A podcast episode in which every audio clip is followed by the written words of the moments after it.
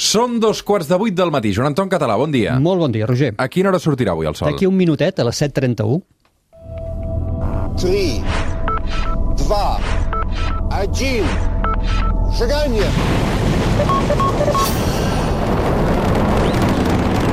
It's one small step for man, one giant leap for mankind.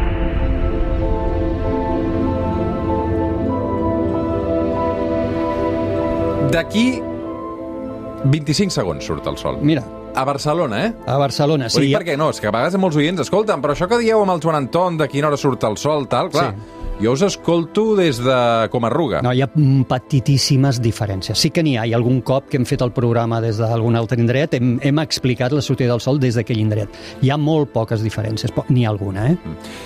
Tot bé, Joan Anton? Tot bé, tot bé. Això és la Terra es plana, ja ho sabeu, el Joan Anton Català, cada diumenge parlem del cel, però també parlem de ciència, i fins i tot de física. Ah. I quan arriba la física jo dic, uf, No, Roger, però si ja n'hem fet molts d'aquests sí, programes. però sempre uf, costa. És que la física ja de petit ja em costava. Potser no te la van explicar bé. Segurament, i potser és que tampoc sóc del tot espavilat. No, això, això segur que no, perquè al final la física és natura. Qualsevol que es pregunti el per què de les coses, i això pot ser qualsevol de nosaltres, ja és un científic, ja és un físic. Per tant, escolta'm, no hi ha excusa. Avui, per tant, no tenim excusa per entendre aquest capítol eh, que dediquem a la primera partícula realment fonamental descoberta. Avui a la Terra es plana, l'electró.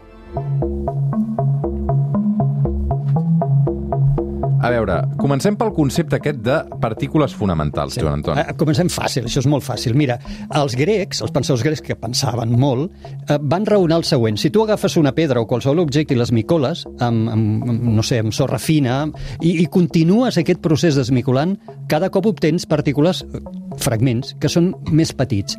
Ha d'arribar algun moment, deien ells, ha d'arribar algun moment en què ja no puguis continuar trencant allò.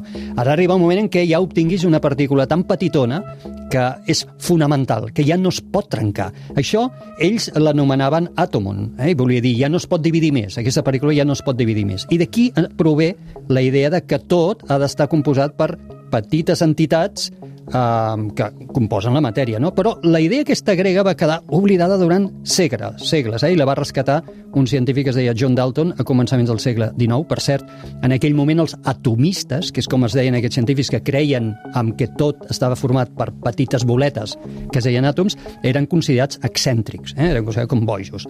La cosa és que el desenvolupament de la física i de la química va permetre revolucionar tot aquest àmbit de coneixement a final del segle XIX i sobretot a començaments del segle XX i cada cop va quedar més clar que sí existeixen els àtoms i que la matèria al final està composada de partícules que anomenem fonamentals, que vol dir que ja no es poden dividir més. Vindrien a ser els maons amb què es fabrica eh, la matèria. Mm.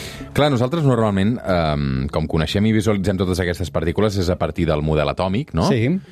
Que això, de petit, sí que ens vam aprendre la lliçó. Exacte, exacte. Era aquella boleta, ara l'explicarem, una boleta que és un nucli, no?, que dibuixàvem com a boleta i uns electrons que hi giren. Això era el model bàsic de l'àtom, i el, el que vam estudiar, com deies, a l'escola, el més senzill, que s'atribueix al físic neozelandès Ernst Rutherford, que el va donar a conèixer l'any 1919. És un model mm, ingenu, ja ho sabem, eh? perquè després vindrà la quàntica i ens desfarà una mica aquest model, però va molt bé mentalment, eh, encara, per entendre que és un àtom. Segons aquest model, els àtoms tenen un nucli, que sabem que agrupa els protons i neutrons, això ho vam estudiar, i electrons que giren al voltant com si fossin planetes. En el moment en què Rutherford idea aquest model, encara no sabien que existien els neutrons. Per tant, al nucli només hi havia protons i els electrons que orbitaven al voltant.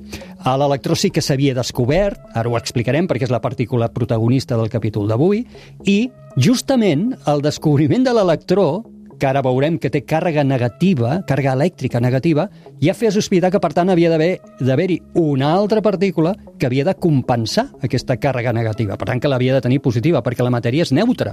La matèria normal és neutra, no? Uh, però ara això, això ho explicarem.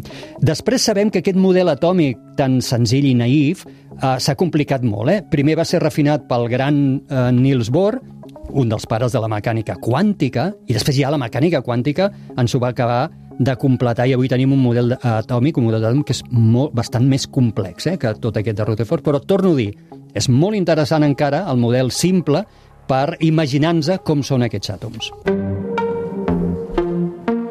Molt bé, ara ens fixem en l'electró, que és el protagonista de l'espai d'avui. Mm -hmm. Com i quan es va descobrir?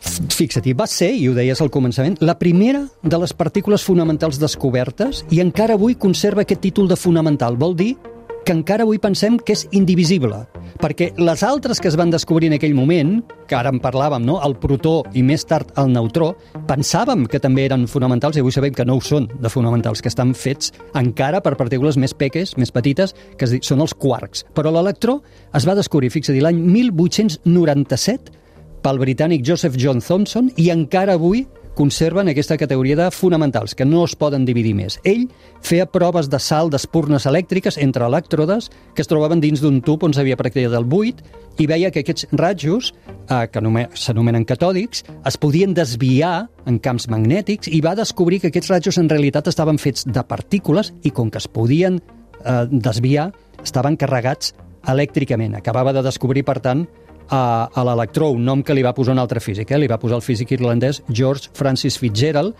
que és el que va proposar aquest nom d'electró. El descobriment de l'electró, com abans dèiem, va ser molt rellevant, no, no només perquè era la primera de les partícules realment fonamentals que es descobria, sinó per allò que dèiem del raonament lògic. Si a l'electró existeix i té càrrega, negativa, hi ha d'haver una altra partícula, que després vam saber que era el protó, que l'ha de tenir positiva per compensar que els àtoms són neutres, en general són neutres. I això és el que també va obrir la porta a que el mateix Rutherford, uns anys més tard, descobrís el protó. Mm. I quines propietats té aquest electró, Joan Anton? Primera se li va assignar, com dèiem abans, una càrrega elèctrica negativa. Se li va donar el valor menys 1, per convenció, eh? i al protó se li va donar més 1. Vol dir que compensen perfectament la càrrega elèctrica que tenen. L'electró és molt poc massiu, per entendre'ns, pesa molt. No, pes i massa recordem que no és el mateix, eh? però per fer la simplificació. La massa de l'electró és 1.836 cops més petita que la d'un protó. Eh? Per tant, un protó al costat d'un electró és, és, una, és una cosa bastant més grossa. Si volem parlar amb unitats que coneguem, tot i que ens costarà d'entendre això, eh? ja t'ho dic. La massa de l'electró és, atenció, 9,1 per 10 a la menys 31 quilos. Què vol dir? Aproximadament, espera, espera't, aproximadament una mil·lèsima de bilionèsima de bilionèsima de gram, per tant, res.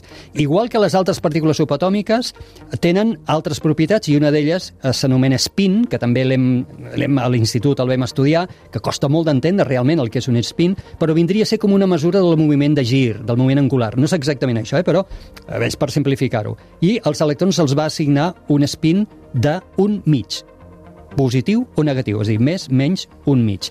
Els electrons estan sotmesos a tres de les quatre forces fonamentals que hi ha a la natura que hi vam dedicar un capítol. En concret, els electrons noten les forces electromagnètica, la gravetat, perquè tenen massa, i, i una altra que anomenem força nuclear feble que intervé en els processos de desintegració radioactiva. La que no noten és la quarta força, que és la força nuclear forta.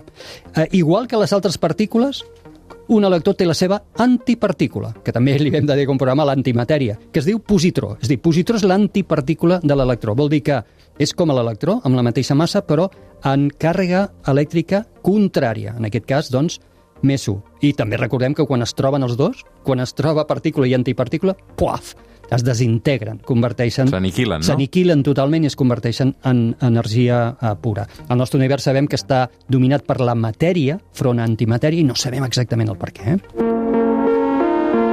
Val, Joan Anton, ara calma i tranquil·litat perquè la cosa ja s'està començant a posar sèria. Um, què vol dir que els electrons són leptons? Leptons, leptons. Mira, eh, eh, sèrie però és que tampoc es complica, és un nom. Leptons és el, un nom que li hem posat a una família de partícules subatòmiques que comparteixen propietats. Eh, comparteixen, per exemple, aquesta propietat de que eh, se submeten o noten les tres forces fonamentals que hem comentat i no noten la força nuclear forta. Aquesta família és la que hem anomenat leptons, inclou electrons, muons i tauons, que és molt fàcil. Muons i tauons són els cosins, els cosins germans dels electrons, però més massius. Tenen més massa, però les mateixes propietats que els electrons, i a més a més són totalment inestables. A la que poden, es desintegren per convertir-se en electrons, que és la partícula més fonamental d'aquest grup, o més, més estable d'aquest grup de leptons. I els leptons, aquesta família, també inclou els famosíssims neutrins, que recorda que els anomenem partícules fantasma, que algun cop també n'hem parlat. I, I on es troben els electrons? Clar, en el model aquest simple que hem, de Rutherford, que el que dèiem, no? els electrons els dibuixem sempre fent òrbites envoltant els nuclis atòmics, com si fossin planetes que giren al voltant del Sol.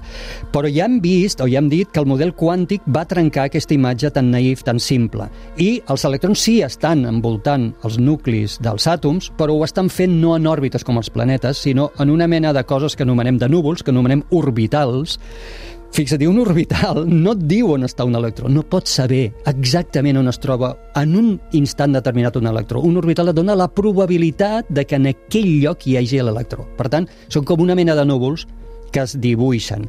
Uh, el número d'electrons, uh, per tant, també correspon al número de protons que té aquell element químic, perquè bé, abans dèiem que els àtoms són neutres. Així, per exemple, l'àtom d'hidrogen conté un sol electró, uh, l'àtom d'heli en conté dos, etc. Val?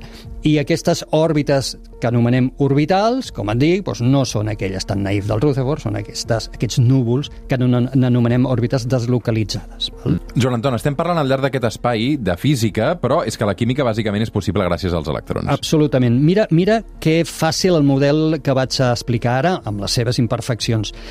La física, la física de partícules està molt basada amb el nucli, molt basada amb el nucli. Per exemple, la fusió nuclear que fan els estels, basada amb el nucli. La fissió nuclear mm. que fem a les centrals nuclears, basada amb el nucli. En canvi, la química està basada en els electrons, fonamentalment en els electrons. Els electrons són els que fan els enllaços químics que permeten que existeixin els compostos químics.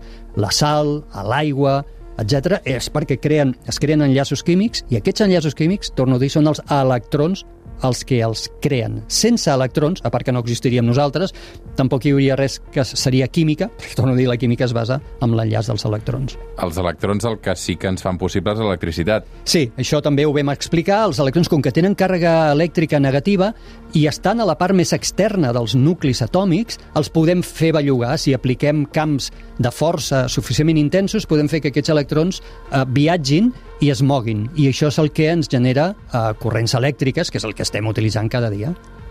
Clar, en el fons, um, dius que tots uh, som de l'espai buit, no? Sí. Um, I el que ens dona consistència, precisament, són aquests electrons. Són els electrons, de nou, són els electrons. Ho hem explicat alguna vegada, estem fets de matèria buida.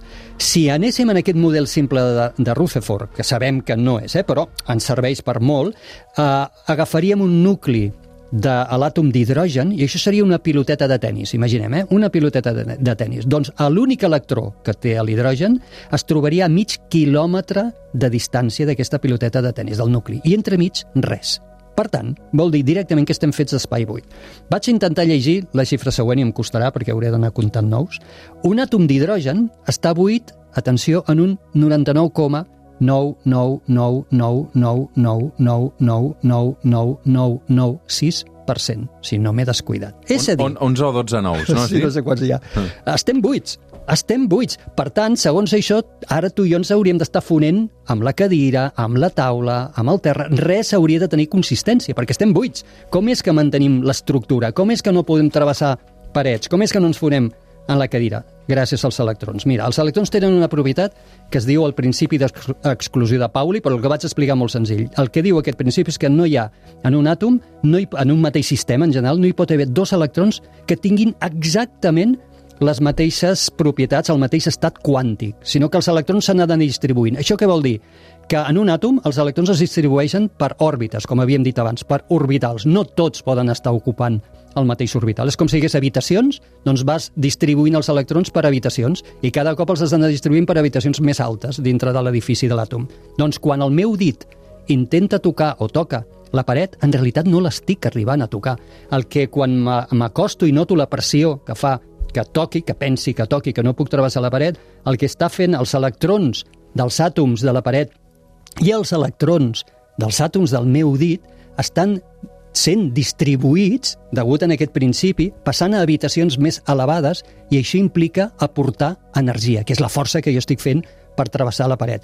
Arriba un moment que, com que hi ha tants àtoms a la paret i tants àtoms amb el meu dit, amb la petita superfície en què estic tocant, la quantitat d'energia que haig d'aplicar per distribuir els electrons a mesura que els vaig acostant és tan animal, tan enorme, que no puc. I és la pressió que jo noto i que fa que jo no pugui travessar parets, que no m'estigui fonent amb la cadira, que tingui consistència i forma gràcies als electrons, gràcies a la propietat aquesta. Sense electrons ens, ens fondríem, és a dir, no existiríem simplement perquè res podria tenir eh, consistència perquè estem buits. Clar, tot això eh, aquí ho hem de vincular amb el Big Bang, també, no? Sempre, sempre en surt, perquè com que estem parlant de partícules fonamentals, doncs es van crear a l'inici de tot. En el primer sospir del Big Bang es formen aquests maons de la matèria que anomenem partícules fonamentals i de les primeres que es formen sabem que són justament els electrons, junt amb els quarks, que són aquestes partícules que després faran protons i neutrons, i els famosíssims partícules fantasmes, els neutrins. Això va passar a la primera bilionèsima de segon de vida de l'univers fins a la primera milionèsima de segon de vida. Per tant, en un sospir allà es van formar totes aquestes partícules. Avui amb el Joan Anton Català hem dedicat una bona estona a parlar de la història dels electrons. Què hi passarà aquesta setmana al cel, Joan Anton? Va, no t'ho pots perdre, Roger, perquè tenim un espectacle increïble. Venus i Júpiter, que estan brillant molt sobre l'horitzó oest, s'acostaran cada dia, ja ho estan fent ara, visualment, visualment, fins a formar una parella molt espectacular, molt junts, sobre l'horitzó oest, quan es faci fosc, i aquest acostament culminarà el dia 1, el dimecres, que és quan estaran a tocar un de l'altre. Feu fotos perquè paga la pena. Fantàstic. Moltes gràcies, Joan Anton. Gràcies a tu. Fem una pausa i ara tornem.